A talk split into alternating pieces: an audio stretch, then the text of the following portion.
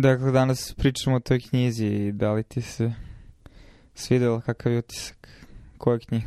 Knjiga je The Courage to Be. Um, autor je Paul Tillich. Uh, knjigu, knjiga, nije štivo koju bih obično čitao, ali mi se svidela. Uh, mislim, ti si mi je preporučio, tako da ne bi bilo loše da, da kažeš nešto o knjizi i zašto si mi je preporučio. Ja ću da dam svoje komentare nakon toga. Ok. A, na srpski je prevedena kao hrabrost bivstovanja i ima, ima i na srpskom. Tako da, ako se slažeš, onda će to biti a, prevod kojim ćemo se služiti, pošto se više puta spominje. A, može biti hrabrost bića na neki način. A, ali napisao je nemački teolog slash filozof a, sa početka 20. veka, knjiga iz druge polovine 20. veka koji je izbegao od nacista.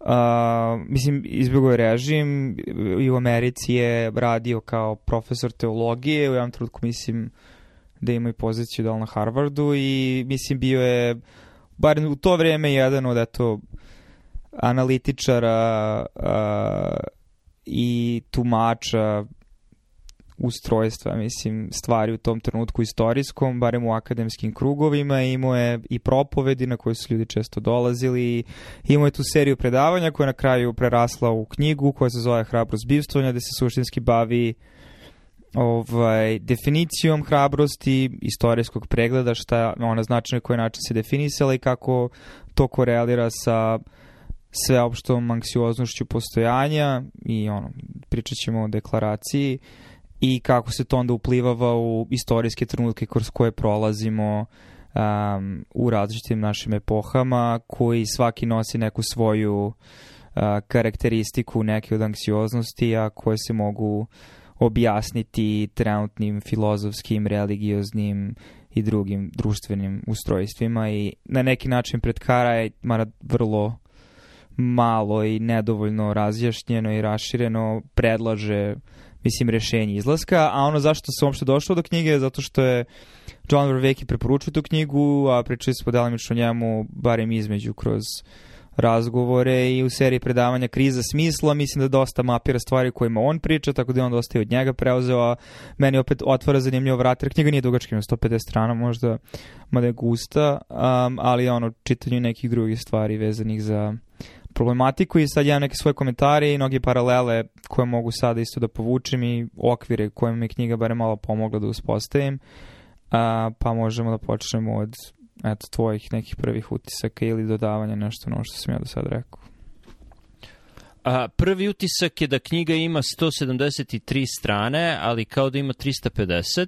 Deo toga je što je sve jako gusto pisano, ima puno koncepata, ali deo toga je, čini mi se, i što je autor Nemac i vidi se da mu je engleski drugi jezik, jer nije usvojio neke konvencije engleskog jezika na koje čitaoci engleskih spisa su navikli po pitanju konstrukcije rečenice, gde, e, gde je glavna reč u rečenici, kako treba da preneseš smisao, tako da je jako naporno za čitanje. Znam da u nemačkom uh, i u francuskom je česta konstrukcija stvarnost, to je ono što se dešava, ili nešto, to je ono što nešto drugo to je na engleskom jako naporno i bilo mi je, nikada više nisam morao ponovo da se vraćam na, na početak rečenice da ukapiram što je u stvari pisac hteo da kaže. Zato što koristi tipično nemačke konstrukcije. Tako, tako da mi je to... Vo, volo, volo bih da je imao lektora kad je ovo radio, ali čini mi se da nije i ne znam da li si spomenuo. Knjiga je rezultat serije predavanja koju, koju je pozvani, svi, to su predavanja o religiji, generalno, mada ne pozivaju samo teologe na ta predavanja. Jedan, čitao sam još jednu knjigu koja je bila rezultat tog, te serije predavanja. I, uh, i, i mislim da je sam pisao i nije imao lektora i vidi se da deo toga je konstruisano kao lekcije, kao predavanja. Druga, druga stvar koju ću da primetim je da, da knjiga, knjiga može generalno se podeli na tri dela. Prvi deo, istorijski pregled uh, onoga o čemu će pričati, drugi deo, ono o čemu priča, i treći deo, e, protestantska propaganda. Treći deo je bio čisto objašnjenje zato, zašto je njegov, njegov specifičan uh, vid protestantizma, zašto je to rešenje za onu stvar u sredini. Tako da bih generalno, prvi deo verovatno bih više, više bih cenio, kad bih znao više o istoriji, onda bih lako mogu da povežem to sa ovim, to sa onim. Mislim da treba neko... Da, o istoriji filozofije. Meni, me, da sam ja imao veće predznanje o filozofiji, mislim da bih više mogao toga da dobijem. Uh, treći deo, čista propaganda, ali drugi deo, i to može da se vidi, vidiš, zato volim da čitam fizičke verzije knjiga, savijam stranice koje su mi zanimljive, vidiš da početak i kraj mi nisu bili toliko zanimljivi, ali u sredini ima dosta dobrih stvari. Znači, i, i srednji deo je i na, najdeblji deo, na, najveći, tako da, da, da to je bilo okej. Okay.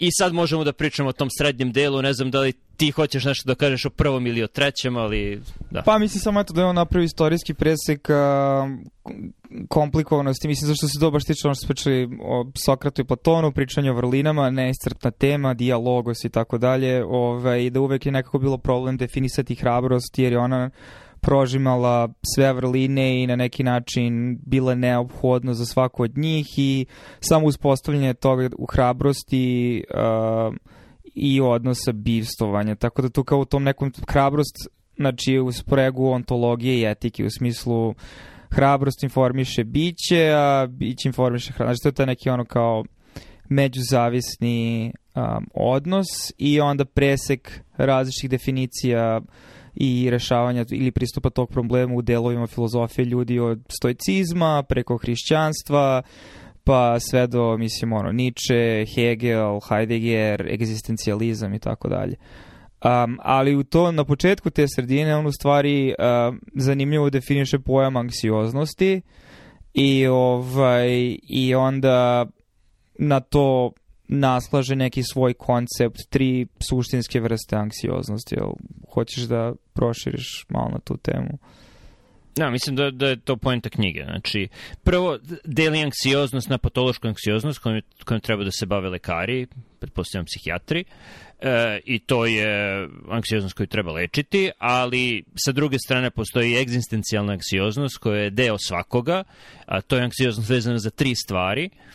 Prva je ono što naziva anksioznost sudbine i to je anksioznost povezana sa smrtnošću svakoga, jer svako razmišlja, ok, ne, ne, neće me biti i mislim da je malo neprirodno da ne budeš nervozan malo oko toga, tako da je to ta, ta anksioznost sudbine. Druga anksioznost uh, je anksioznost krivice, i to je ono hrišćansko, svi smo grešni i to je anksioznost koju imaš kada imaš loše misli i kada razmišljaš o stvarima o kojima znaš da ne bi trebalo da razmišljaš. Uh, to je druga. I treća anksioznost koja je, pretpostavljam zašto je Verveki spomenuo knjigu, je anksioznost smisla, i to je anksioznost, ono, poente čoveka, to je anksioznost koju imaš kad, ne znam, prvi put saznaš o veličini svemira i ležiš u krevetu i razmišljaš o tome koliko je svemir veliki, a koliko si ti mali. I to sam spomenuo već, već jednom i zašto smo mi tu i, i čemu sve ovo. I e, rašlanjava načine na koji se ljudi bore protiv svake od te tri anksioznosti, manje ili više uspešno i reaktivne formacije koje ljudi imaju na te anksioznosti i koje od tih anksioznosti su bile predominantne u, u, kom, u kom periodu uh, života. Tako da je primjer koji je naveo, ne znam koliko je čisto, nisam istoričar, je da je, da je anksioznost sudbine bila predominantna u antičkom periodu, da je, da je hrišćanstvo to promenilo u anksioznost krivice i ono, katolička tipično o grehu i svi smo grešni itd. I da je, i da je moderno doba Uh, u modernom dobu je predominantna anksioznost smisla, što sudeći po broju pregleda koje mi Vervekijevi videi i po popularnošću njega i drugih ljudi koji se bave krizom smisla, možeš, možeš definitivno da mu veruješ, a ono što je najbolje od svega što je on ovu knjigu pisao 50. godina, tako da je on pisao o krizi smisla u Americi nakon drugog svjetskog rata, odmah nakon, a ne o krizi smisla u, u 21. veku, ali ono, to što je pričao sve tačnije i tačnije, mada u posljednjih desetak, 15 godina mogu da primetim da je i, da je anksioznost greha jer postoje stvari o kojima ne smeš da pričaš i postoji jezički delikt i, i slične stvari, a boga mi i anksioznost sudbine ili smrtnosti, uh, jer se ljudi mnogo bore protiv smrti, naročito milijarderi. Mi, mislim da su i, oni polako isplivavaju na, na površinu. Ok, ajde samo malo da dodam samo malo subtilnosti te tri podele, jer su kasnije uplivavaju sve ostalo, pa Ovo, ovaj, samo da se jasnije raščlani, da, znači, ići ću samo jedan po jedan pa ću da dodam po koju rečanicu. Anksioznost sudbine ili anksioznost smrti je da svako biće, a, mislim ljudsko, barem je svesno svoje smrtnosti a, i samim tim na neki način a, daje ti ontološki teret a, koji isto vrijeme, on, mislim, ono što je samo bitno za sve te tri anksioznosti su među povezane i među zavisne i nijedan period nije imao nije nedostatak jedne, nego je manje ili bolje kompenzovao druge na uštrb uh, neke od te tri, a zato su one bile dominantne, pogotovo kad su ti sistemi postali disfunkcionalni. Um, al, vratit ću se na to, ali anksiozna smrti ili uh, sudbine, znači, dovodi do toga da ti imaš um, odnos prema svim stvarima kao konačnim. I to je ono što je bitno, znači konačno svega uh, u beskonačnom svetu.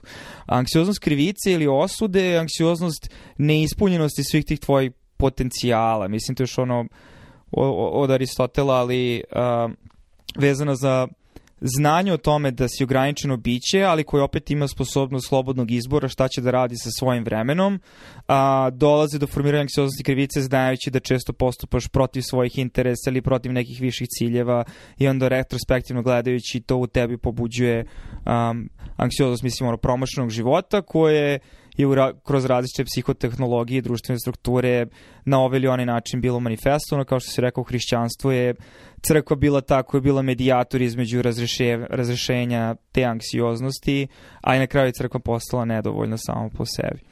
Uh, I treća anksioznost besmisla ili očaja je ona vezana za, mislim i zašto je meni knjiga ostala stvarno utisak jer stvarno mapira na nešto čega smo se doticali više puta, još ono čak i pre COVID-a, pogotovo to COVID-a, to ono što ja sam lično doživljavao kao nešto što ja zovem epistemološkom krizom, svojom ličnom u smislu nedovoljnosti i nesavršenosti znanja koje imamo i uh, večitoj rekurziji svih stvari, znači jednostavno uh, mnogo velikoj relativnosti, pogotovo kad uđeš u naučne metodi shvataš koliko je priroda kompleksna i kako mi samo sečemo parčiće prirode pokušavajući da razumemo i samo dalje produbljujemo kompleksno svega da ga, koji opet budi neki osjećaj nedovoljnosti i onda mislim dovodi do gubitka nekog smisla i, i očaja vezanim za to, a prevaskodno vezanim za to da mislim zašto smo sada u krizi smisla, da ne pro, prolačim previše vremena ili nema potrebe hrišćansko rešenje i antičko rešenje različitih anksioznosti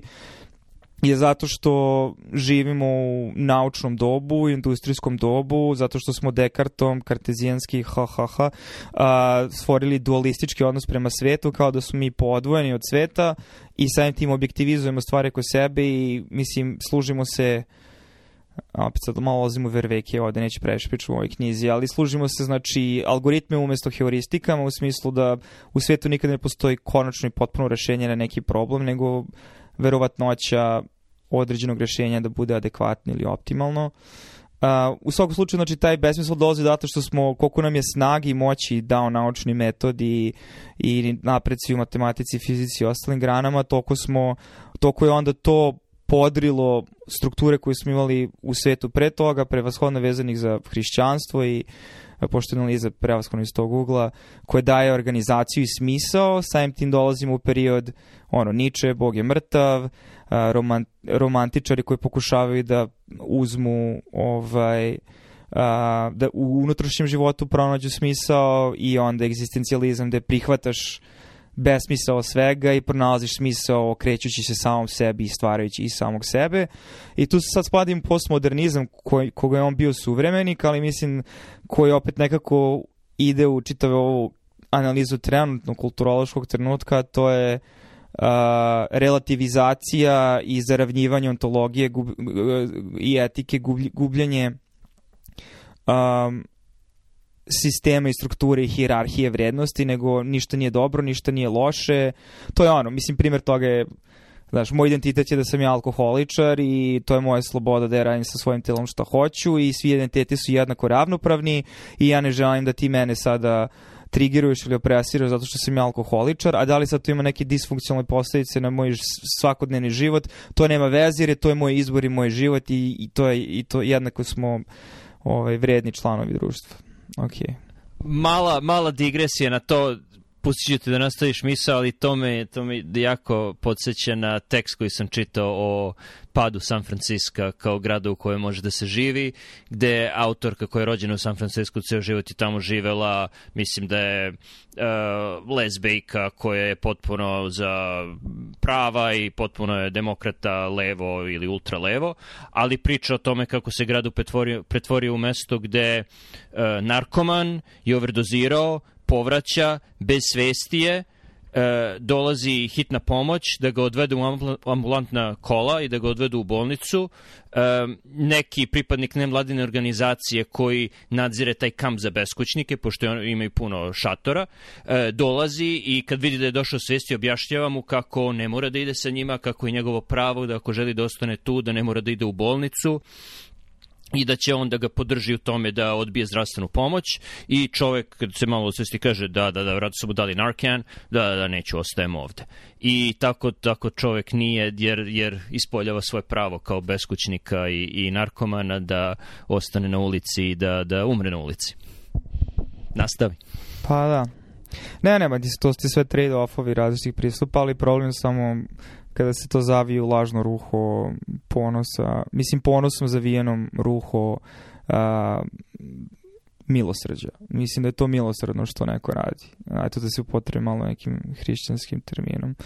A, sa onda se vratim, zašto jako lako možemo se zamutimo sad i ne znam u kom smeru ti hoćeš, još želim da ovdje spontano, ali eto, uspostavili smo tu strukturu te tri anksioznosti, samo ono što sam teo da dodam, vezano za patološku anksioznost je da je to anksioznost, jer anksioznost, čitao point svih tih anksioznosti da nam oni ipak daju životu, znači mislim to opet daje se primjerima libida ili will to power, znači oni daju tvom životu energiju i snagu, jer ti Uh, te anksioznosti tebe teraju da se pokrećeš, da tražiš hranu, da što ne znaš šta je nebivstvovanje, ne znaš šta je nebiti, ne znaš šta je smrt, ali imaš nagone koje te usmeravaju ka tome da uh, se ovaj, što više za, odbraniš od toga i da samim tim i ono što imaš skladniji, složeniji, kompleksnije načine da se odbraniš od tih stvari, samim tim ćeš biti dalje od toga, ali je problem što te, od, izvori te anksiozniste su nepoznati u smislu vezani za stvari koje ne znamo, tako da kad se manifestuju, manifestuju se u obliku konkretnih strahova. I to je ono čega se sećamo one podele još iz ono, psihologije srednje škole koju smo imali, a to je da naša anksioznost je generalizovana, ali uh, strahu manifestovana u nekim specifičnim strahovima gde može to da bude anksioznost vezana za posao, porodicu, šta god. Mislim, ali to je opet sve vezano za anksioznost prolaznosti svih nas.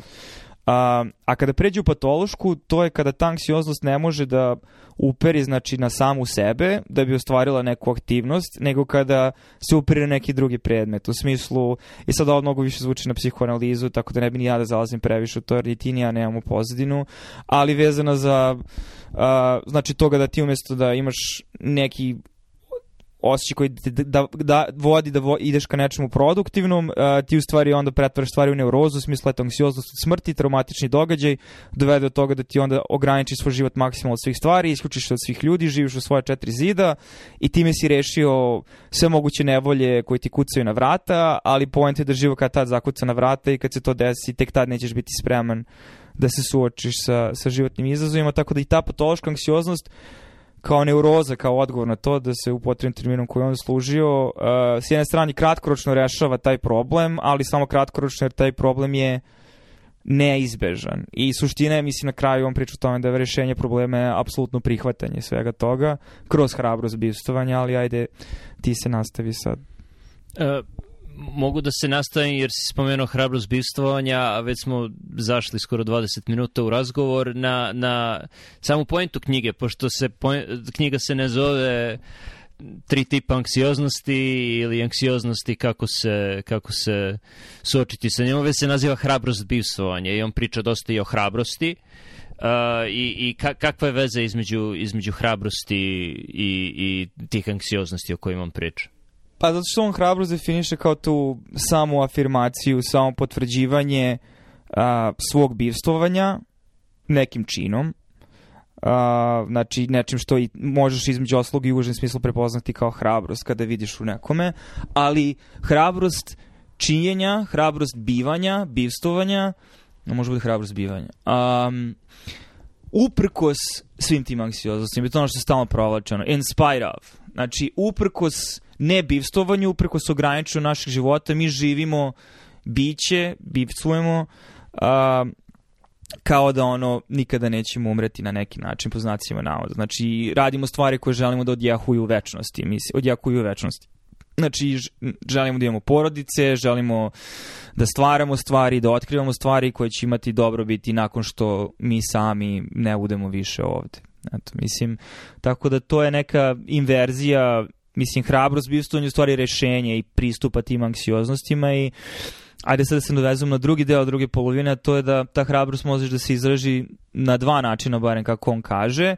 Jedan je hrabrost bivstvovanja kroz individualizaciju, gde ti sve te anksioznosti, znači iz tri, da kažemo, dimenzije, preuzmeš i upiriš ka sebi i te probleme rešiš iznutra ili tu u tim momentima pronaš hrabrost ili hrabrost uh, bivstvovanja kroz participaciju, kroz učešće, učestvovanje, a, koja ima tendenciju pre, pre, prebacivanja tih anksioznosti na veće sisteme, grupe ljudi a, i iz toga proizilaze kolektivističke stvari poput organizovane religije i drugih stvari, tako da nastavi ti odavde. Hoću da nastavim jer si rekao par stvari i sada i pre par minuta koje jako evociraju na fašizam i nacizam. Jedno pričao si will to power, odnosno snaga volje i volje za snagom, što je Niče, čini mi se, uh, najviše priča o tome, a onda su to kooptirali uh, fašisti i nacisti, naročito nacisti.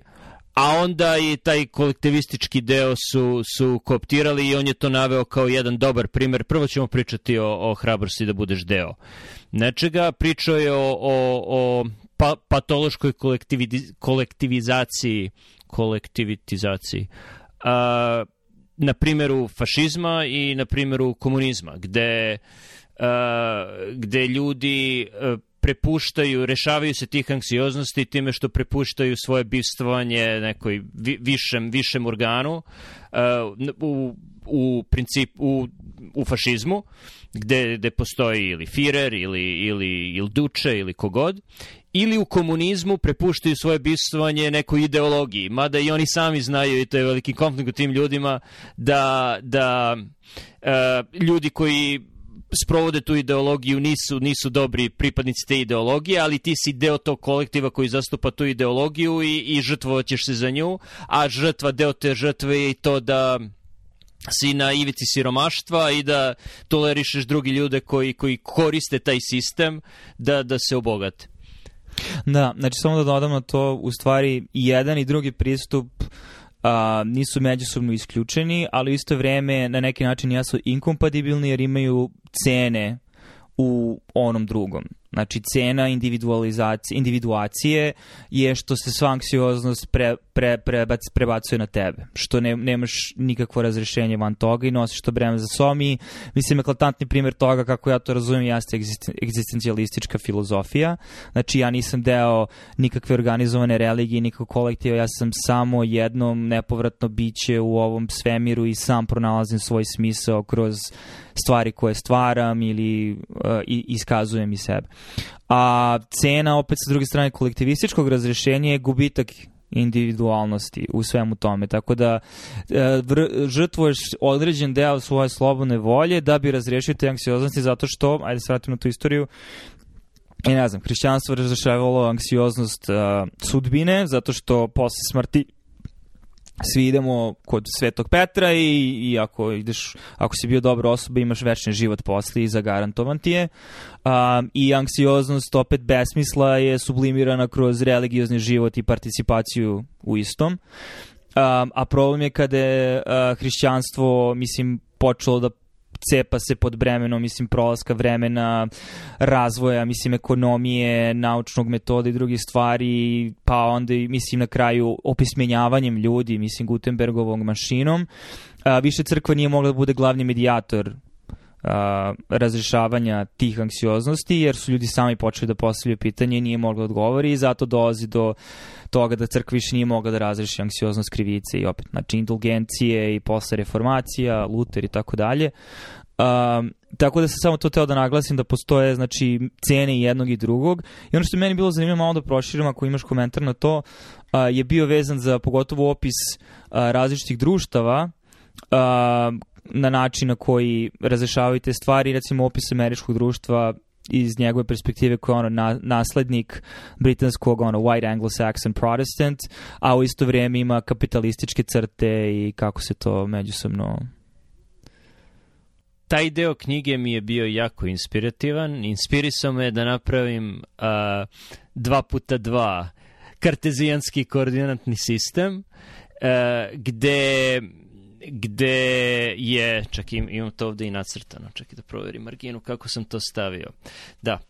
Uh, gde je spomenuo i to i to na, nasleđe zapadnoevropsko da je akcenat u Americi na produktivnosti i na radu a da je zarada dobra, ne i neophodna i da je to onaj zdrav deo kapitalizma, patološki deo dođe ako se fokusiraš na zaradu i možeš lako da napraviš ono šta, je, šta se ceni u američkom društvu, šta je ok, a šta nikako nije u redu.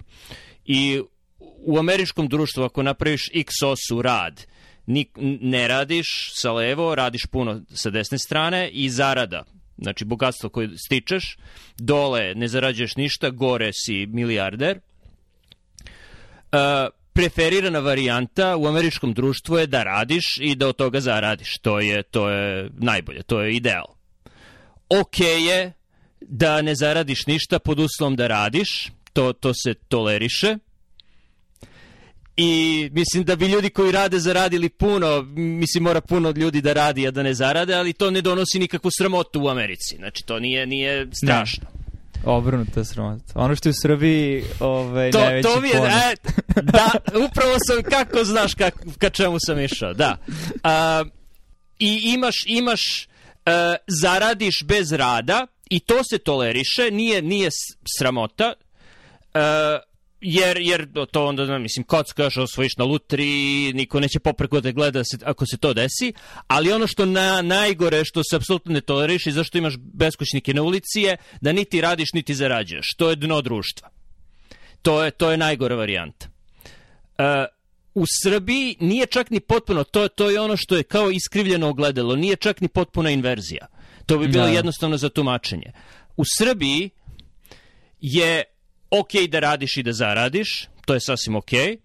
Ok da besposličariš, ne zaradiš ništa i, i ne radiš ništa, to je isto toleriše se, mislim, većina Srbije je takva. Idealno je da zaradiš bez rada, a apsolutno je nedopustivo da radiš, a da ne zarađuješ ništa. To je najveća sramota. Jer te onda neko iskorišćava, onda si ti uh, budala koju, koju drugi ljudi koriste da bi od tebe zaradili. Tako da me taj, taj deo knjige, ta stranica me inspirisala na, na to razmišljanje. Zanimljivo, da. Ali da, nije, nije, nije apsolutna inverzija. Ma da opet ima i, i nekog bojanja u smislu i u Srbiji postoji i nekada i blagi prezir zavisnosti koja je oštrina te funkcije, to je koje je koeficijent ispred ovaj, x. Um, ono, koliko u smislu da ako neko puno radi i puno zarađuje, da se i na to ne gleda baš 100% sa puno podrške. Da. Uglavnom, to nije preferirana, to nije da. preferirana varijanta svakako. Mislim, ono da. sa čem možemo se slodimo je da je ideal zarada bez rada, a sramota je rad bez zarade. To je, da. to je... Da, da, da. To su ekstremi. Um, dobro, ali u ovom podku američko društvo neka kao podijelilo neka dva sloja, znači demokrati, demo, demokratsko konformističko društvo koje kroz participaciju u demokratskom procesu razrešava određene anksioznosti, ali opet konformist, konformističko društvo um, i sa druge strane imao znači uh, mislim, libertarijanski neki pristup, znači koji opet ta neka egzistencijalna nota kako meni zvuči je opet potpuna, apsolutna individuacija gde ti preuzimeš svu, svu, svo breme postojanja um, na sebe, ali zato i ubiraš potencijalno najveće nagrade jer to iskazuješ kroz svoju hrabrost bivstvovanja. Mislim, Um, tako da mi je to bilo zanimljivo i ono što mi je bilo zanimljivo, znači ja sve, spomenuo se ideologije, samo moja analiza neka je tu da ideologije pokušavaju da razriše određene probleme strukturisanja vrednosti u životu i rešavanja znači, nekih tih egzistencijalnih uh, problema, uh, ali time što nenaravno pojednostavljuju stvarnost i uh, samim tim je iskrivljuju i zato do, dovode do, mislim, uh, društvenog društvene nestabilnosti. Znači, znaš, ono, nacizam je, glavni problem su druge etničke grupe, prevaskovno jevreji, ako se rešimo svih njih, živećemo u blagostanju. Komunizam je, suštinski problem je ekonomski odnos između klase potlačenih i klase eksploatatora, rešimo li to, rešit ćemo sve probleme. I onda, mislim, to su ono pokušaj rešenja koje koji nisu bili efektivni. Um, a ono što mislim, eto, samo da se nadovežem na to, jer verujem da imaš komentar, što je meni baš odzvanjalo dok sam čitao o kolektivističkim i neokolektivističkim uh, rešenjima anksioznosti postojanja, prevaskodne anksioznosti besmisla u 20. i 21. veku je paralela sa nekim današnjim tendencijama, a, pogotovo zapadnog društva, gde kroz kolektivističko učestvovanje, participaciju a, daješ smisao svom životu. Pa nema sumnje da je to bila predominantna teza, predominantna tema u posljednjih 20 godina. Uh, ono što me iznenadilo je da je on još 50. i 60. godina opisivao američko društvo kao delom kolektivističko, jer je, da, postoji kolektivistička nota, ali u poređenju sa istočnom Evropom i, i Azijom, a, apsolutno individualistička zemlja, ali postoji stepen kolektivizacije koji pretpostavljam, mislim možemo sad da pričamo priče zašto je to tako, da li je neka velika trauma tipa 11. septembra dovelo do toga i da si mogu da povučeš crtu ili ne znam, finansijska kriza 2007. 8. ili šta god je bio okidač za to da ljudi se više pripajaju, uh, da, i mislim zato i vidiš, zato i vidiš uh, ono, polarizaciju i, i ono, dva glavna kolektiva koji se rađaju od toga.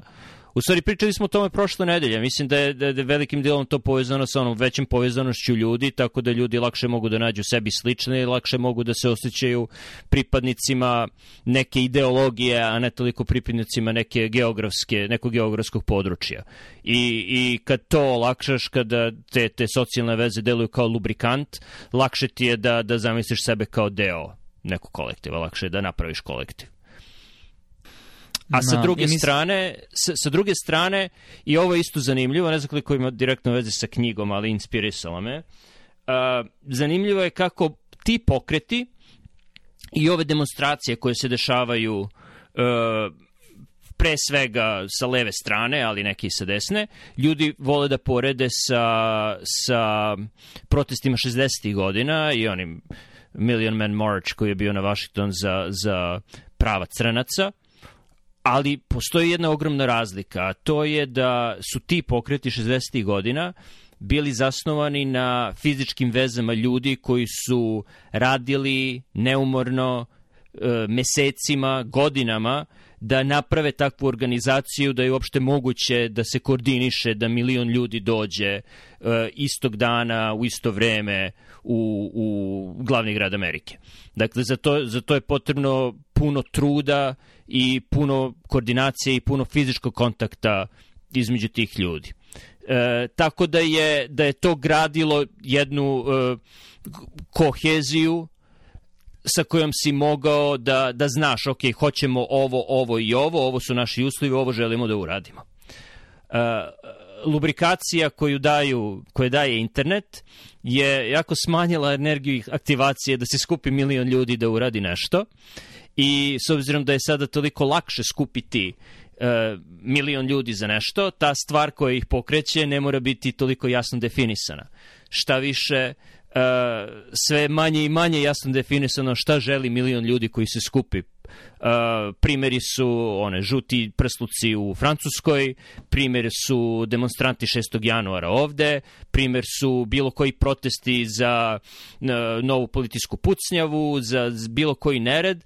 Skupi se, da, milion ljudi, ali oni su efemerni. Znači, nastali su tu za par dana, nedelja na Whatsappu, Viberu ili nekoj privatnoj Facebook grupi. Uh, nemaju svi jasnu poruku, nemaju, nemaju grupnu koheziju i u stanju su da naprave ogroman nered, u stanju su da unište, ali nisu u stanju da, da daju svoje ciljeve i da kažu hoćemo to, to i to.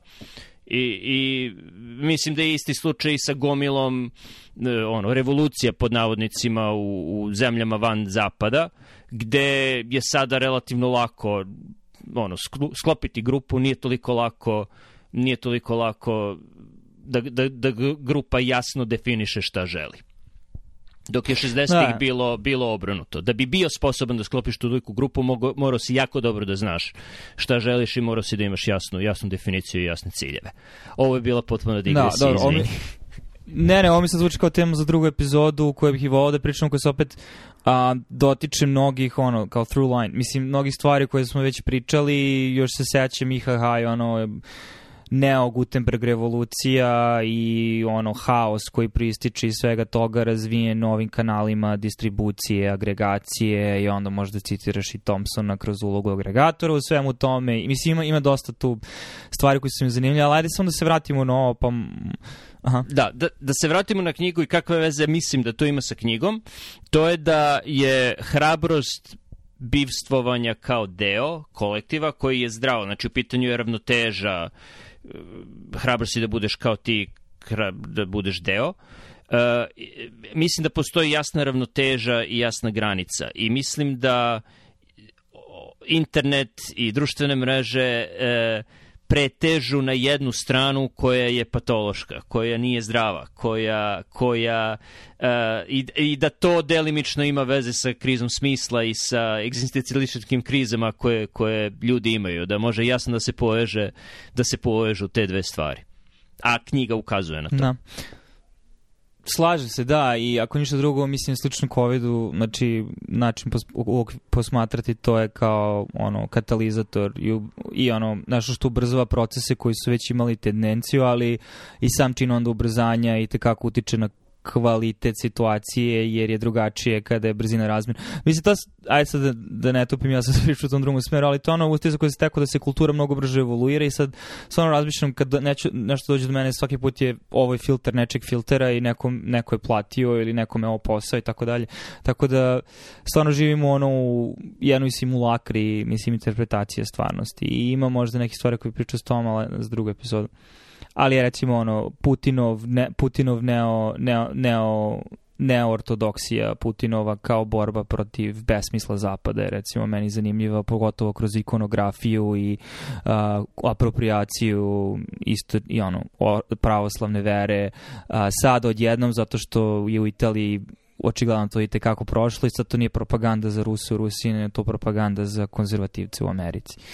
Um, ali to je druga tema. Um, te sam napravio subtilnu razliku koja mi se onako uh, potkrala mi su razgovor, ali sad gledajući beleške sam se podsjetio da on deli kolektivizam na kolektivizam stariji ili primitivniji koji je imao znači, strukturu prethodnih religijnih društva, ali uh, i novi neokolektivizam koji je uslovljen tehnološkim razvojem i malo se i tiče ovoga što ti govoriš i da na neki način zbog usložnjavanja međuljudskih odnosa i, i, i naše interakcije sa stvarnošću a, bilo kakav ne, no, neokolektivistički pokret i tekako više nameti interpretacija i a, ima veću šansu da bude sam po sebi kontradiktoran. Ono što me je bilo zanimljivo mislim, interpretacija kada ti nekome ukažeš recimo na neku kontradiktornost u okviru tog neokolektivističkog pokreta dolazi do a, velike stresne reakcije zato što to, to je onda osobi podriva čitav sistem koji razrešava neke od tih suštinskih anksioznosti i onda mora da preozme to na sebi onda se to manifestuje projekcijom i demonizacijom bilo kakve kritike a, a, same dogme. Što mi je bilo jako zanimljivo jer to je paralela između mislim ono, onoga što smo videli u religiji i onoga što sad vidimo vidimo u ovoj znači, pseudo religiji a, gdje je bilo kakav pokušaj a, razumevanja šta neko stvarno pokušava da kaže i da nađe neke ono realne koordinate i odnose a, kada taj pokušaj ukaže na kontradiktornost, a, to pobuđuje onda korišćenje jezika kojem ti tu osobu ekskomuniciraš iz dalje, e, iz, iz dalje kolek, kolektiva, mislim, na, na tim što kažeš da su rasisti, da su fobi ove, one vrste i tako dalje. Tako da,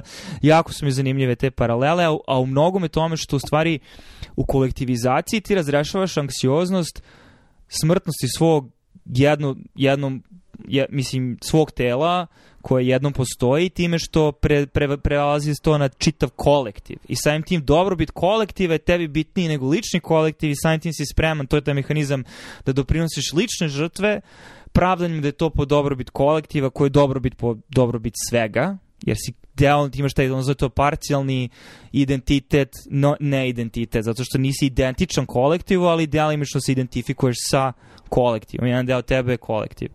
Uh, I on tu koristi primjer komunizma, da je ljudi koji su bili svesni koliko ono ljudi nestaju preko noći i koliko to sve disfunkcionalno, opet nekako su pravdali, racionalizali sebi to, jer inače bi morali se suoče sa totalnom disfunkcionalnošću tog sistema. To mi je bilo zanimljivo. To je pri, loš primer toga, ali gde povlačiš granicu, gde, e, gde je tu ono žrtvovanje u ratu ili e, bombaši samoubice sa e, iz, od, sa strane islamskih fundamentalista ili bombaši samoubice sa strane ukrajinskih vojnika koji eksplodiraju kamione na mostu. Gde povući granicu, šta, šta nam je okej, okay, šta nam nije okej? Okay? Pa mislim da je to konverzacija koja evoluira. I mislim da je to jedan od, pro, jedan od problema u kojem smo se zaglavili u ovom trenutku da, uh, mislim ja baš ovako posmatram i ne znam sad da možda ja imam ono problem, ima, možda si imam problem u svom emotivnom razvoju kao, kao klinac, pa mi je lakše nekada da se ono izmestim u smislu uh, da sam rođen u nekom drugom periodu, uh, preozio bih običaje i karakteristike osobe koja je živjela u tom periodu i sigurno ne bi imao iste vrednosti koje imam sada kao osoba. Te samim tim, mislim, uh, bilo šta šta se može smatrati ispravnim ono ili etičkim ponašanjem je predmet diskusije u svakom trenutku uh, u toku razvoja ljudskog društva, a pogotovo kada je to omogućeno novim tehnologijama. I mislim da se sada nalazimo u takvom jednom razdoblju gde jednostavno znaš. Mislim, isto ko što se dovede pitanje šta je ljudski život i abortus. Znači, jedna stvar je bila abortirati dete kada nemaš pristup ultrazvuku, da možeš trodimenzionalno da vidiš lice tog ploda, da znaš da to srce kuca ili ne znam. Tako da ta konverzacija postaje komplikovanija te samom tehnologijom. Tehnologijom je sada omogućeno i da možemo imamo različite načine izražavanja e, svog polnog identiteta koji čak i uključuje modifikacije naših tela koje nam nisu bile dostupne pre samo 30-40 godina, te samim tim dolazi u konverzaciju šta znači biti pripadnik određenog pola i na koji način znači biti izražavati se na način koji, koji je adekvatan, da tako kažem. Tako da mislim da je sve to vrlo relativna stvar um, ali mislim da opet ono liberalne vrednosti u smislu, jer ono, možemo da u jednom, sad, sad imamo predmeti diskusije da li su životi krava, razumeš i svinja. Ja opet nemam nikakav stav na tu temu u smislu, ali potpunosti mogu da razumijem jednu i drugu stranu te debate. Svinje su vrlo inteligentne životinje, inteligentnije možda čak i od pasa, zašto jedne jedemo i žive u takvim uslovima, drugi su nam najbolji prijatelji, žive kao kraljevi. Uh, i možda će na nas gledati kao na monstrume što smo jeli životinsko meso. A možda i neće, možda će društvo otići u nekom totalnom drugom smeru. Tako da, mislim, hoću samo da se vratim na to, mislim da je vrlo relativno šta znači, uh, mislim da je više samo bitan kao Razumeš što hoćeš kažeš, kao čin hrabrosti koje na neki način nanosi zlo ono drugim ljudima, ali to je ono iz perspektive onoga koji afirmiše to svoje postojanje, te hijerarhije opravdano i jedini odgovor na to je stvari da moramo da imamo sistemi ustrojstva očigledno koji nisu dogmatični koji mogu konstantno da evoluiraju. Ok, znam da nisam, uh, nije mi se svideo treći deo uh, gde suviše priča o tome kako je njegova verzija protestantske, protestantskog hrišćanstva ispravna iz tog, tog i tog razloga. Uh, ali je imao jedan, jednu zanimljivu, jedno zanimljivo poglavlje o kome je pričao o različitim varijantama teizma i šta ljudi misle po time kad kažu Bog. I, I ne slažem se sa njegovim razmišljanjem, ali mi je bilo zanimljivo. Bilo mi je zanimljivo jer se vidi kako je dao je neke tri definicije teizma i onda je dao svoju, pod navodnicima, ispravnu verziju teizma i njegove definicije teizma su se onako poklapale sa tehnološkim napredkom čovečanstva, tako da ove istorijske i ona njegova se baš tačno uklopila u, u fiziku tog vremena kad, kada je pisano i, i u vreme nakon, nakon atomske i nuklearne bombe. Dakle, prvo je priča o tome šta ljudi, prva varijanta je ono, ljudi, nedefinisani teizam, ljudi kažu Bog, ali ne znaju tačno šta misle, već je nešto do više spiritualno, kao sila koja prožima sve nas i e, to je povezao sa, sa azijskim spiritualizmom. I kao rekao, ne, to očigledno nije tačno i oni koji kažu da su ateisti u tom smislu su jednako tako nedefinisani. E, druga vrsta teizma e, koju on povezao sa ne, ranim hrišćanstvom je ono lični kontakt uh, čoveka sa Bogom, ono što vidiš kao znakove da Bog govori sa tobom, da, da, da čuješ glasove, možda, možda je tada nije ih naveo po imenu, ali možda je mislio na pentakostalce, ali tako pričao je o tome i pričao je zašto to očigledno nije, nije tačno, nije ispravno. Uh, treća verzija Boga je malo nadogradnja na na ovu drugu, a to je Bog kao nezavisni entitet koji nadzire sve i upravlja svima. To je Bog sa Michelangelovih slika, Michelangelovih freski. I to je Bog koji je pretpostavljam predominantno katolički bog. I, i to je bio malo malo ubod na, na, na katoličanstvo. I onda je dao svoje razloge zašto ni to nije bilo ispravna, ispravno razmišljanje o Bogu.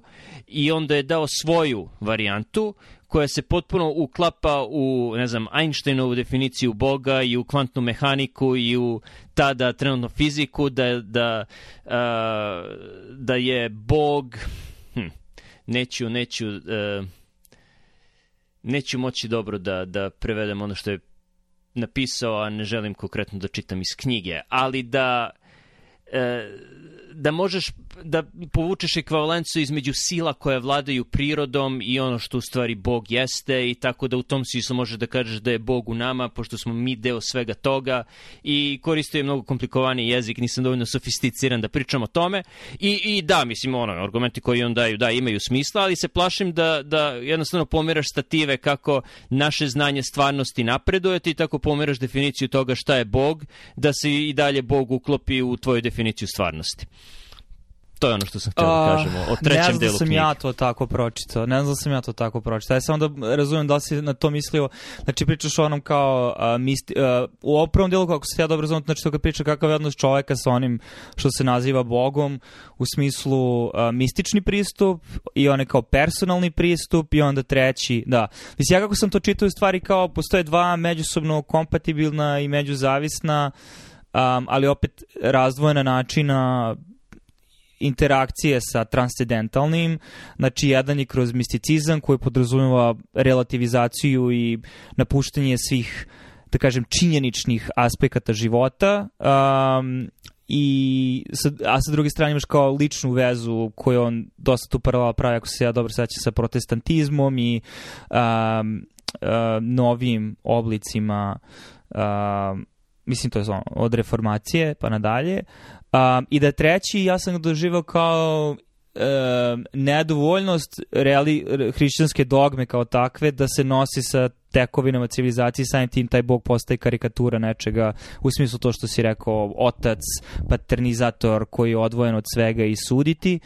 Um, i to ono što se počne da shvatim znaš, na koji način su ljudi kad su pisali te stvari u stanom veku oni su drugačije razmišljali o stvarima. I značenje reči se menja kroz vekove naš osam je kao strava, a i jedno i drugo stvari osam i strava su reči koje su vrlo teške i velike, ogromne reči, znači to je kada se ti osetiš ono mizerno malim naprotiv nečeg, uspred nečeg velikog i ono Tako da, ne znam koliko ja vidim da je to pokušao da ugura Einsteina na mala vrata, ako sam te dobro razumeo. Ugurava ga samo... četvrtom transcendencijom, ne, Bog nad Bogom. Mislim da je to... Da, da, to da, je... da, ali to mi je, ali to mi ima paralele sa Spinozom, ono, i, i Bogom prirode. Znači ima to paralele sa mnogim stvarima koje su to ima paraleli sa logosom kao takvim, ono, ovaj, mislim da je to taj moment sada, a i ono što znači, se nismo, opet mislim da ni ne treba možda previše vremena proveramo o tome, jer nismo niti ja dovoljno upoznati, samo smo lupali gluposti, ali recimo za isto, ali kao primjer nečega... To je ceo podcast, ne bojš ali To je ceo podcast, da, da. uh, definicija vere, ili kao faith, znači, uh, i što ona podrazumeva, interpretacija nje ne kroz trenutno sočivo, ono, postindustrijskog uh, sekularnog društva, nego kroz sočivo ajde da kažem, psihotehnologije koja razrešava te neke unutrašnje anksioznosti, a na kraju se svodi na veru u mislim prihvatanje, znači prihvatanje svih tih tvojih anksioznosti, ali ono uprkos njima i da zaokruži, mislim, uprkos tome treba da činiš stvari i to je hrabrost. I kada nisi siguran, moraš da iskoračiš, eto paralel sa s gospodarom prstena, pošto on na meti je koliko se to isto preklapa sa tim, jer ono Frodo ni u jednom trenutku nije bio siguran, niti je pred njim je put bio jasno definisan i niko nije znao, ali on je svaki put morao da ide napred jer nije imao izbora, jer je alternativa bila potpuno uništenje, mislim, tako da, ali dobar, ono, dobar primjer studije jednog lika koji prolazi kroz, recimo, takvu vrstu iskustva, koje je neki način iskustvo koje, ono, prevod iskustva koje svi doživljamo na svakodnevnoj osnovi, a to je, znaš, šta koji kurac ja ovo se radim, čime se cijan kad će onako jednog dana svi da umremo i onako ništa, ne, znaš. Tako da, ali mislim da je više, nije taj bog, bog re, relativiteta ili kvantne mehanike koliko je ono interpersonalni bog u odnosima koje formiramo sa sobom i sa drugim ljudima i generalno onim što meni barem apirano kad smo pričali humanizacija, dehumanizacija ili personalizacija i objektivizacija.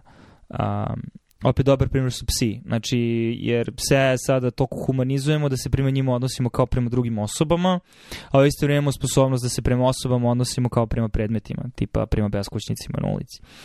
Um, tako da mislim da je više ta neka kao logika, barem meni delo, ali kažem, nisam ni ja taj posljednji deo baš najbolji, tu taj transcendentalni bog iznad bogova, tako da ono, treba još nekih čitanja nečeg drugog, mislim. Ne, ne znamo dovoljno kvantne mehanike, Nebojša, da A nigde nije spomenuo kvantnu deo. mehaniku.